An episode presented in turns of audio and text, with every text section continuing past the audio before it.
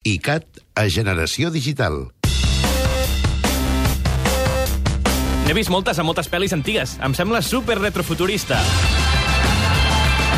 Connexió ICAT. Bona tarda, equip GD. Aquesta setmana a ICAT.cat també ens hem abocat de ple al Festival de Sitges i fins i tot jo he fet curses amb en Francesc Xavier Blasco per agafar la millor butaca.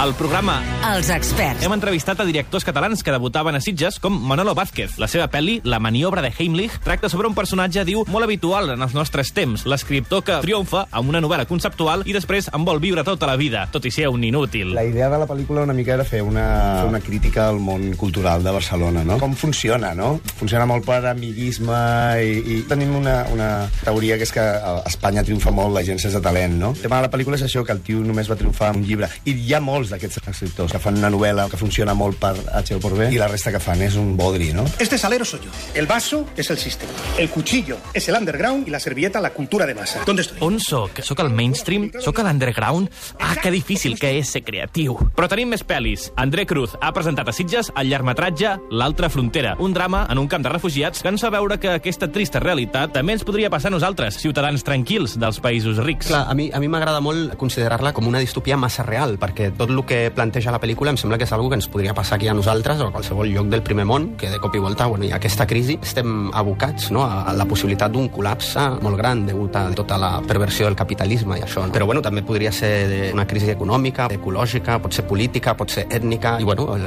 això està, està a la pel·li, no? Benvingut al paradís! Que tinguis una bona estada! Zombis! Zombis.